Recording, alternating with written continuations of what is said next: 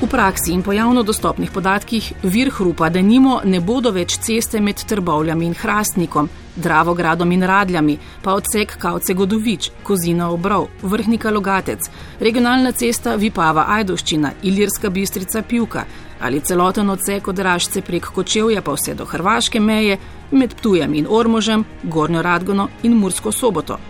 Prav tako bodo kot vir hrupa in na to pod monitoringom le še tiste železniške proge, ki jih letno prevozi več kot 30 tisoč vlakov. Prevedeno znova v prakso, med vire hrupa ne bodo več sodile celotna proga med Sežano Divačo in Koprom, celotna gorenska proga med Ljubljano in Jesenicami, trasa med Dobovo in Zidanim mostom, Mariborom in Šentiljem.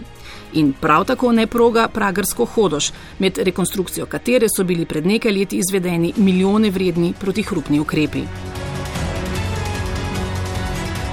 Ali če skušamo risati spremembo na območju celotne države? Če sta država oziroma upravljalec ceste po sedaj še veljavni uredbi morala paziti na hrup na skoraj 6000 km, bi po novih merilih le še na 637 km cest, torej le na 11 odstotkih državnega cestnega omrežja. Pri železnicah pa bo od 1208 km glavnih in regionalnih železniških prog kot hrupnih priznanih le še 289 km prog oziroma le še 24 odstotkov državnega železniškega omrežja.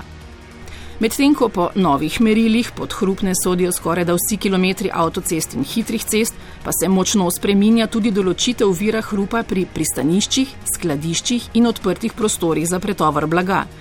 Če je zdaj veljalo, da je tak prostor vir hrupa pri preseženih 10 tisoč pretovorjenih tonah letno, zdaj mora pretovorjena masa presegati 120 tisoč ton oziroma je merilo povečano za kar 12 krat.